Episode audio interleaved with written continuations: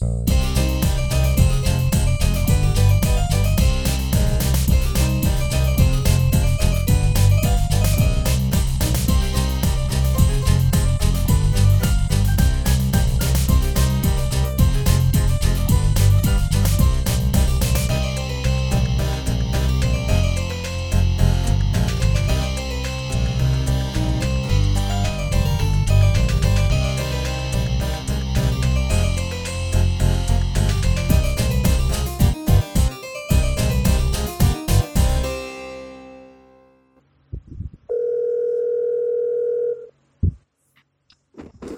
Halo? Halo, halo, halo. Nah, ini udah lumayan lah ya. Sinyal di sana aman Oke, nggak? oke. Mudah-mudahan aman dah. Baterai aman nggak di sana? Aman, aman, aman. Aman ya. Hubungan aman nggak nih? Aman, aman. Oke, mari kita mulai. Hai, my name is Bara Benhat and welcome to this podcast. Dan ini apa ya? Gua bawa kolaborasi dengan salah satu teman gua yang udah lama banget gak ketemu. Nih, ini gua Lama, lama, lama. Iya lama banget cuy. Lu tiba-tiba langsung minggat aja dari Bekasi ke Amrik. Oke deh coba dong lu introduce yourself lah ya. Lu kasih tau dulu lah nama lu siapa Umur lu berapa Kuliah di mana Kesibukan lu. Ya kalau saya kesibukan sekarang lagi Corona Eh sekarang udah new normal ya di sana ya. Ini kan kita Ya kebetulan lumayan lah, normal dikit. Ya normal dikit ya oke deh Ini kita taping tanggal 24 Juni 2020 Di sana waktu sekarang jam berapa sih coy? Jam 7.51 pagi. Wow, 7.51 pagi dan ini udah jam 9.51 malam. 9. Buset dah ini. Iya cuy, udah jam 9 malam sekarang. Udah jam 9.51 malam. Dan itu lu uh, kasih tahu juga Oh, lu uh, kasih tahu juga lu tinggal di negara bagian apa? Soalnya kan lu apa ya? Dulu kan di Amerika kan. Nah, pasti kalau Amerika kan hitungannya negara Oh. bagian kan. Nah, coba sok waktu di Ya. tempat silakan coy. Bahasa Indonesia nih, bahasa Indonesia kan? Bahasa Indonesia lah, tapi kalau misalnya lu pakai Ya, bahasa Inggris, bahasa Inggris bahasa Inggris. sedikit gak apa-apa. Masih fasih kan lu? Ya, bisa, bisa lah, bisa. Bisa kan? Oke, aman ya, sip. Ya, sorry, sorry nih ya buat yang dengar kalau bahasa Indonesia jelek, tapi nama gua Muhammad Aditya Ramadan, bisa dipanggil Adita ya. Umur gua 19 tahun ini, habis itu gua udah tahu Bana dari dulu. dari kecil. Habis itu gua tinggal di Amerika udah 7 tahun, 8 tahunan sekarang. Di lebih tepatnya di California, California Selatan. Habis itu gue sekolah di UCLA, University California Los Angeles, jurusan engineering, tahun kedua sekarang. Hmm. Ya kesibukan sih, ya gitu, lagi corona di rumah. Lu masih kuliah online? oh masih lah, masih Oh, sampai kapan? sampai tahun depan ya, sampai akhir tahun kayak katanya sih. Berarti Parah tuh, parah parah. berarti parah itu berarti itu kan kalau misalnya lu masuk ke kuliah lagi lu kayak kendaraan diri dulu lagi ya kayak ya siapa nama lu Iya. kayak Gak tau sih, katanya sih sampai akhir tahun, tapi kemungkinan besar sih November udah dibuka, Oktober November udah bisa gitu, dua hari, tiga hari gitu. Hmm, Oke Dua deh. palingan.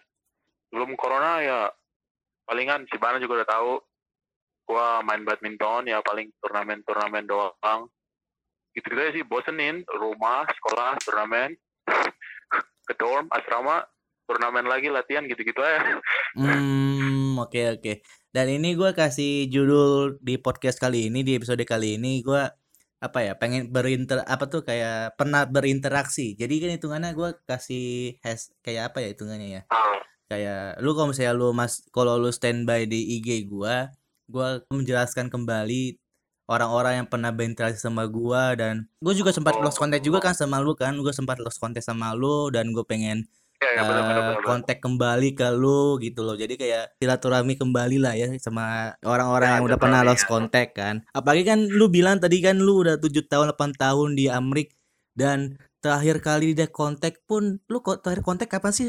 Kayak setahun yang lalu dah ya. Tiba-tiba lu nelpon. Masih ingat gue Iya, tuh malam malam-malam gua Betul. Gue malam kontak lagi abis itu. Iya cuy eh, Ini gue kasih tau dulu kepada kalian Ini nih kok Ini orang nih si Aditya eh, Nelpon gue video call Dalam keadaan gue Sekitar minggu depannya itu gue Kayak ujian skripsi cuy Seriusan cuy Minggu depannya Gak gue gue, gak tahu gue kan ya, waktunya. Pas itu gue udah libur, gue kira lu udah selesai. Nggak ya Sekarang udah selesai cuy Ya tapi gini lah Karena corona ya You know lah ya gampang lah ya kalau corona ya. Dari Eh. gara-gara corona jadi gampang. ah, Mana gampangnya kampret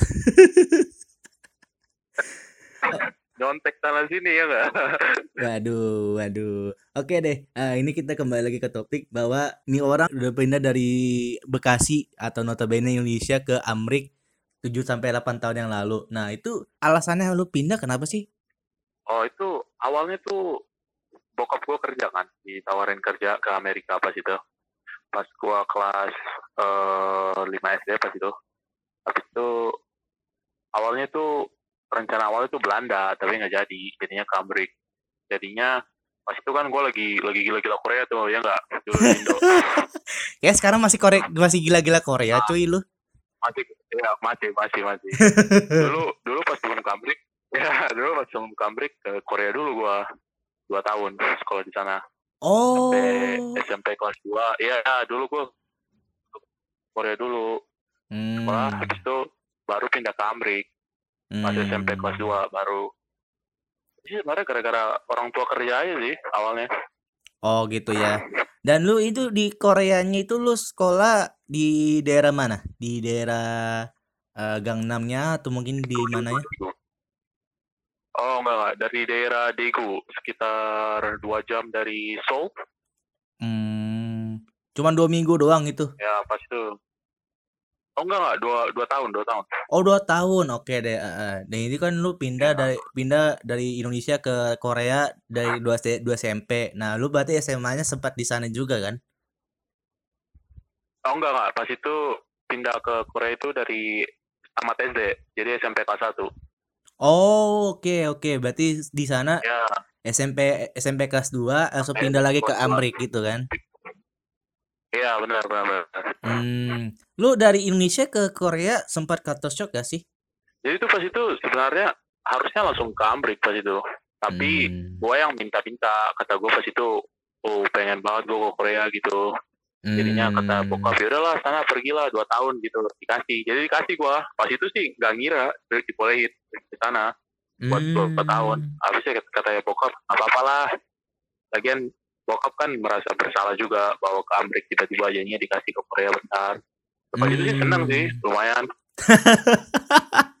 Gimana ya? Ya kalau shock sih, shock lah pasti, seneng lah. Jadinya gimana ya?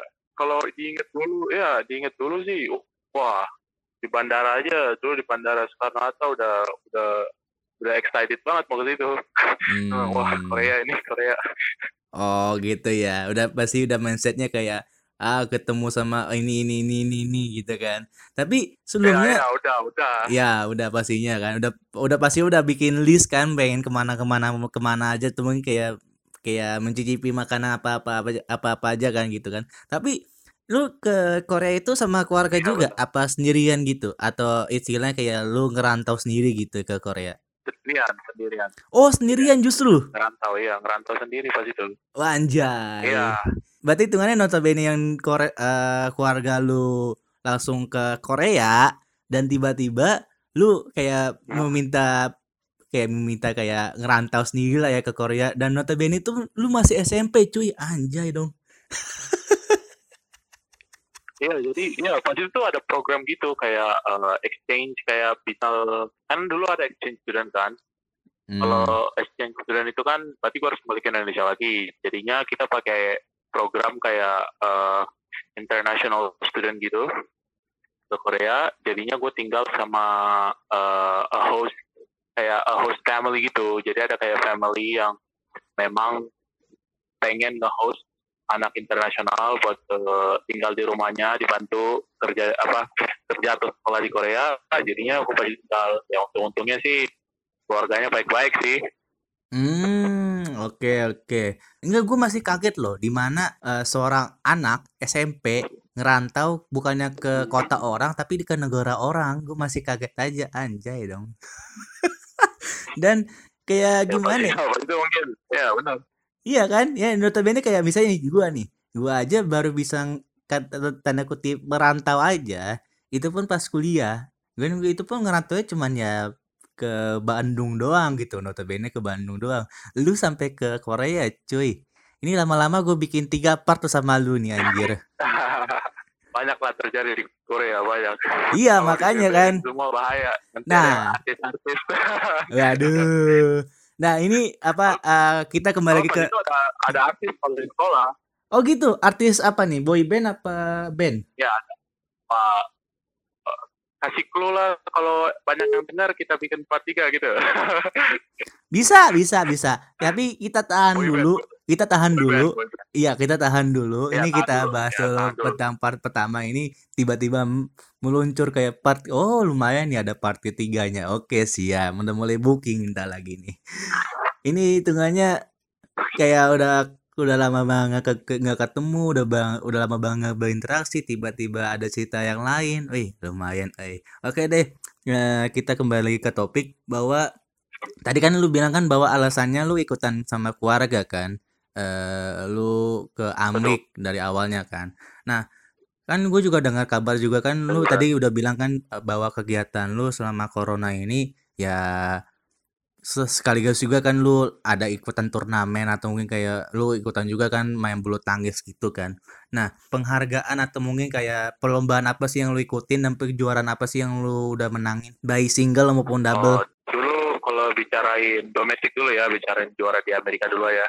Domestik dulu tuh gua menang di eh, juniornya Amerika dulu, double dua Hmm. tahun yang lalu pas pas dua SMA itu pas itu lagi heboh hebohnya soalnya gua istilahnya pendatang lah istilahnya gitu Oke. nggak nggak punya akademi nggak punya klub ya kan punya klub habis itu baru main badminton kelas satu SMA ya kan jadinya emang baru habis itu itu American Championship pas itu. Menang double. Buat umur U9 uh, U8 U17 17 pas itu. habis itu yang paling itu sih eh, menurut gua paling itu pas udah internasional paling seru tuh. Pas itu kita ke belum sampai super 500 sih belum sampai super 500 pas itu masih super 200 super 100 gua menang di eh, Kanada super 100 di Vancouver Hmm, itu double Itu- atau single? ya. Itu double double. Hmm, oke. Habis itu per- eh, ya pergi ke Denmark nyoba eh, super 200 super 200 di eh, Copenhagen dapat eh, semifinal doang. Hmm, itu Prancis yang paling itu sih yang paling menangin di Prancis super 300 pas itu di Lyon. Lyon Prancis dapat juara dua tuh lawan orang Jepang kalah final hmm. Berarti hitungannya perlombaan apa sih yang terakhir lu ikutin sebelum terjadinya corona beginian, bro? Prancis Prancis Oh, justru di Lyon itu ya? Anjay dong, nanggung banget dong. ya di Lyon itu ya makanya tanggung banget tuh Enggak, maksudnya itu perlombaannya dari tanggal berapa sampai tanggal berapa bulan berapa? itu November kalau nggak salah November kemarin 2019 awal bulan awal bulan Loh, lama banget cuy. Gue kira justru kayak bulan Februari, bulan Maret tahun ini. oh enggak pas itu kayaknya pas corona udah ngehit gitu kan udah kayak ada di news gitu-gitu di dunia di berita atlet Amerika udah dilarang keluar dari bulan Februari Oh, justru gak boleh keluar dari bulan Februari ya. Tapi kasus pertama Ya, itu bulan berapa? kasus pertama kalau nggak salah itu akhir Februari jadi Oh. benar-benar de- deket banget Oh, Jadi I see. Tapi pasti kan ada kan nggak eh, lu plan ke depan kan mesti kayak turnamen berikutnya kan pasti ada lagi dong. Nah, Oh iya, turnamen ada. setelah ada turnamen setelah Prancis ini lu rencananya mau ke mana nih? awalnya tuh yang domestik kita mau ke Boston pas Mei habis itu kita ke Jepang habis itu Hmm, buat kayak turnamen kecil habis itu awalnya ada rencana ke Indonesia buat latihan khusus sama sana. Nah, yang ke Indonesia ini rencananya bulan berapa? Ini harusnya Juni nih. Harusnya. Wah, Ya, harusnya harusnya Juni. Parah udah. emang corona kampret, corona kampret. Nah, emang Kalau misalnya nggak ada corona, bisa-bisa lu nyamperin gua sini, dak. oh, iya bisa lah. Iya, nggak usah tinggi, nggak Karena usah kita, latihan di Indo kan. Iya. Dan nggak usah kita tapping-tappingan jarak jauh beginian. Ini lu kayak lu di pagi Iya, hari, gua di malam hari, di hari yang sama. Ya oke, mungkin karena corona bisa memisahkan kita. Oke, udah mari kita lanjutin. Berarti hitungannya Tuh, prestasi tertinggi lu kan tadi kan lu ceritain kan bahwa prestasi lu rata-rata pada double semua kan, Dub- eh, main double kan hitungannya kan kayak eh, bukannya ganda ganda campuran kan. Nah, prestasi tinggi lu di Ya, ya. single apa sih? single dulu di tingkat SMA pas menang di state di California State buat provinsinya gua dapat juara juara satu buat provinsi selatan California Selatan habis itu cuman juara eh, dua pas satu provinsi itu doang sih paling tinggi single tapi gue kurang enjoy single soalnya gue nggak tahu deh gue lebih suka double gitu Oh, tapi lu oh lu berarti biasanya mainnya di double justru ya, bukannya mainnya di single ya? iya di double ya Hmm. Iya, iya. Berarti ini gue eh mungkin kalau misalnya orang-orang awam pada umumnya kan mungkin kalau saya bulu tangkis kan ada tuh turnamen kayak Indonesia Open kan ada Super 100. Nah, kalau saya turnamen-turnamen ini kan ada super berapa pers, berapa, berapa- berapa lah ya. Nah, itu kalau misalnya untuk kategori lu Iya, yang iya. masih kuliah beginian eh turnamennya sama juga kayak yang senior-senior yang biasanya orang-orang Indonesia kayak eh siapa ya? Mu- Mungkin Mar- Mar- kayak apa itu? Markus Markus Gideon. Nah, mungkin Markus Gideon sama satu lagi gue lupa pasangannya itu. Nah, enggak maksudnya Kevin Kevin Iya si Kevin, ah itu maksudnya untuk level-level begituan apakah sama juga mainnya gitu? Khususnya contohnya kayak tadi kan lu bilangnya kayak super 300, super 100. Nah itu kalau misalnya levelnya itu Ah. level-level yang mainnya mainnya main-mainnya pro udah kayak lawan Stufa Stufa lu tahu kan kalau misalnya yang ganda cewek. iya iya, iya. Nah levelnya begituan apa kayak gimana sih? Coba jelasin juga dong. Ya, menurut gue sih kalau bicara badminton Indonesia level Marcus Gideon sama Kevin Sanjaya gitu kan, Muhammad Hasan dan Setiawan kan udah di atas kan istilahnya. Udah udah super 100 lah, udah super 100, super 500, super 500, super 1000 udah tinggi gitu.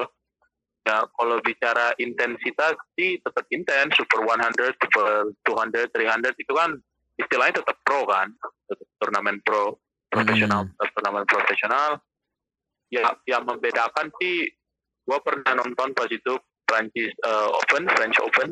Setelah selesai di Lyon kan ada French Open tuh minggu selanjutnya. Gue pergi ke Paris nonton ngelihat Marcus tuh pas itu main kan. Menang dia di final. Kalau dilihat sih sebenarnya mereka tekniknya lebih lebih tinggi lah. Lebih hebat lah tekniknya. Tekniknya fisiknya juga lebih bagus. Ya kalau bicarain soal level-level tinggi begitu sih emang teknik lah yang main teknik lah tekniknya udah Hmm. sempurna lah menurut gua Enggak, maksud gua kalau misalnya level lu ini level baru mahasiswa atau emang yang kayak eh level oh yang udah pro udah pro udah level pro Oh, udah level pro justru. Oh, berarti hitungannya kalau misalnya ya udah level pro yang ranking apa ya hitungannya? Kalau saya lu di main double, lu ranking berapa hitungannya? pas itu kan Prancis Open itu kan super 200 kalau nggak salah. Jadinya kalau nggak salah itu belum belum masuk hitungan di belum cukup poinnya buat gua buat ada ranking dunianya pas itu. Oh. jadinya harus tambah turnamen lagi. Jadinya makanya ya makanya pas itu kita rencanain ke Jepang kan bulan eh, Mei ini. Artinya kan nggak bisa kan gara-gara corona. Hmm. Berarti hitungannya lu masih belum ada poin ini, poin untuk masuk ke 100 besar lah, 100 besar dunia masih belum masih masih belum ada oh ya gitu. belum belum ya belum masih harus turnamen lebih lagi sedikit satu dua turnamen lagi pas Jepang itu yang kita emang mau ikutin Hmm, I see. Ya, ya, ya. Gue kira justru kayak apa ya? eh, ada kategori untuk level mahasiswanya tadi ya. Lu kalau misalnya ada level mahasiswanya, justru lu mainnya di situ. Justru lu mainnya di pro gitu ya. iya udah langsung disuruh setelah itu sama coachnya udah katanya kita kan udah dominasi eh eh, istilahnya kita udah dominasi di Amerika kan dapurnya kita udah menang terus. Terus di Amerika selama satu tahun tuh pas masih SMA pas itu gua sama partner gua udah menang terus. Menang terus Hmm. kalah. Kalau nggak salah kalah cuma dua kali dalam setahun.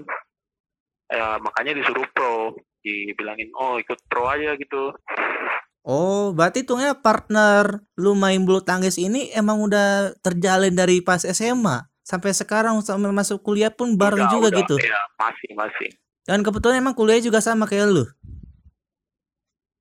ya itu adik kelas gua satu tahun adik kelas gua Oh, oke oke oke siap. Abang-abangan berarti ya. jadi dia sekarang ya ya benar benar. Jadi dia sekarang masuk jadi kasih beasiswa ke tempat yang sama di UCLA sama gua. Karena kan biar kita nggak dipisahin latihannya. Hmm, oke I see. Oke.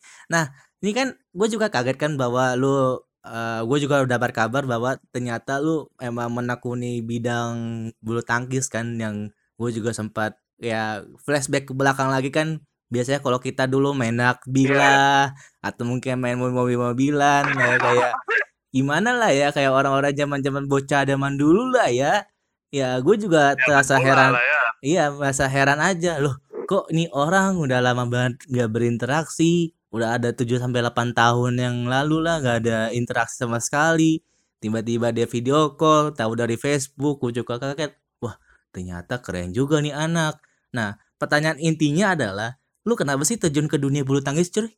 oh itu dulu awalnya gue pengen ikut bola ya kan lu kan tahu kan dulu kita sering main bola kan Jadinya, dulu gue pengen ikut bola pas SMA ya inget kan Iya, ya, isi. Jadi gue pengen ikut bola awalnya SMA. Eh, tapi gue telat, telat daftar pas itu. Pas summer itu telat daftar. Gue bulan Agustus buat ikut bola di SMA gue telat daftar. Telat daftar. Habis itu katanya ada salah satu guru gue bilang, oh kenapa nggak ikut bulu tangkis aja kan bulu tangkis permainan Asia gitu kan. Katanya kan di Indonesia kan terkenal. Habis itu gue orang Indonesia, kenapa nggak coba bulu tangkis aja? Ini gue bilang, oh yaudahlah coba-coba dikit. Eh nyoba, tau-taunya malah jadi kayak gini. Oke. Ini bola apa? Sepak bola atau futsal? Sepak bola, sepak bola, sepak bola. Wah, anjay. Lu cuma perkara da- daftar doang berarti ya. Makanya udah gak nyangka deh. Lucu deh kalau dilihat ulang dulu lucu banget. Iya, lucu banget. Dan apa hitungannya ya? Eh tadi yang kita udah lama banget gak berinteraksi, tiba-tiba lu udah ke Amrik. Apa ya? Lu udah merasakan kan 7 sampai 8 tahun berada di Amrik. Eh kultur-kultur orang di Amrik atau mungkin kayak di lingkupan lu sama lu SMA atau mungkin sama lu kuliah itu kayak gimana sih? Gue penasaran. Eh, kalau kita bicarain soal sekolah gitu, lingkungan di sekolah sih beda ya. Kan di Amerika ini kita bajunya bebas, ya kan? Gak perlu pakai seragam, baju bebas, warna rambut bebas, semua bebas kan istilahnya.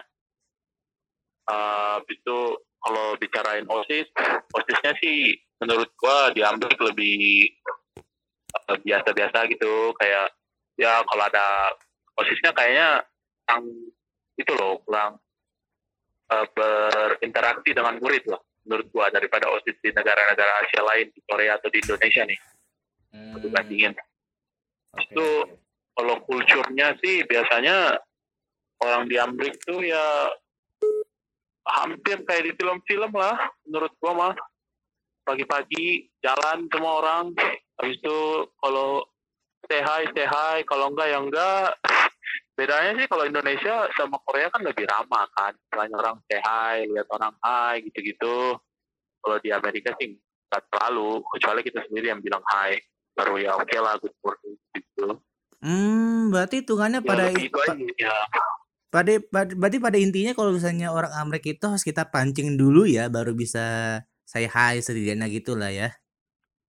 ya kebanyakan ya kebanyakan sih gitu kebanyakan sih gitu takutnya nanti kalau misalnya dia bilang say hi kayak merasa tensin atau mungkin kayak merasa apa ya eh, ini orang kok merasa say hi maksudnya kayak say hi duluan gitu kan.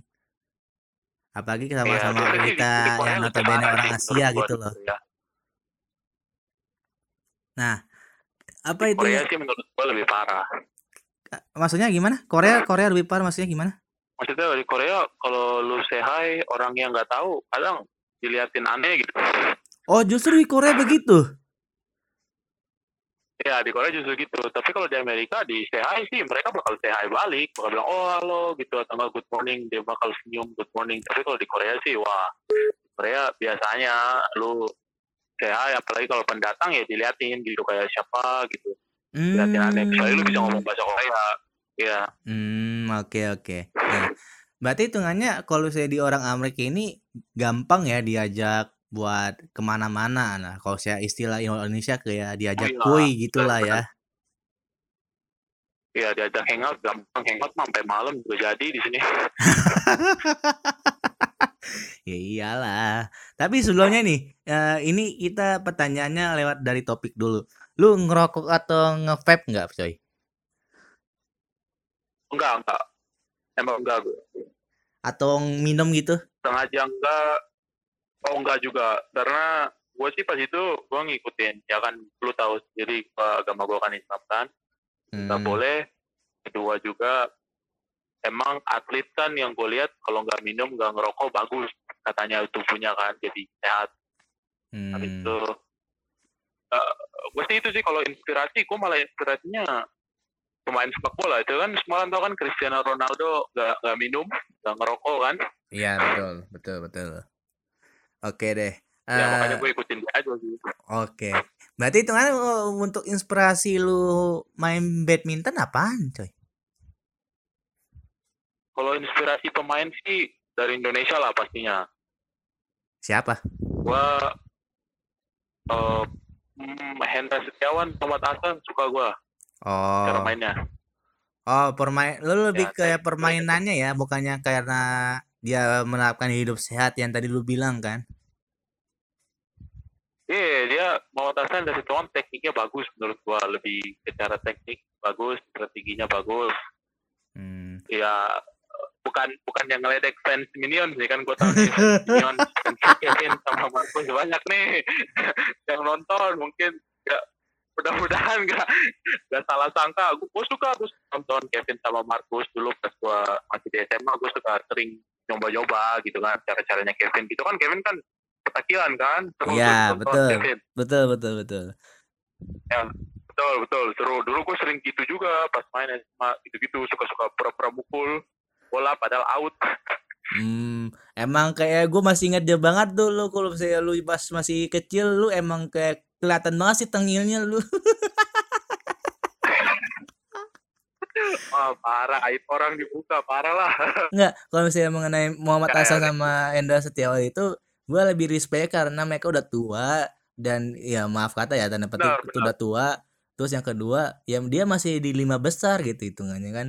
ya menurut gue sih itu mah masalah di mereka jaga fokus jaga kesehatannya sih menurut gue karena kan kalau tua gitu kan harusnya kan udah nggak kuat kan Jalannya kan. Iya stamina staminanya gitu. mereka tetap kuat aja kalau gitu iya tetap kuat jadi gue sih respectnya di situ juga tekniknya mereka lebih fokus ke teknik ya strategi juga makanya gue lebih suka nonton Hmm, oke. Tapi lu udah pernah nonton langsung belum sih? oh pernah pernah gue pernah nonton langsung pas itu Enggak, ya, lu yang tadi kan Wah. kalau saya lu kan yang tadi kan apa yang mengenai Kevin sama Gideon kan lu udah nonton langsung di Pran di Prancis kan, di Lyon. Ah, Nah, kalau saya di Muhammad Hasan Hendra Setiawan lu nontonnya di mana?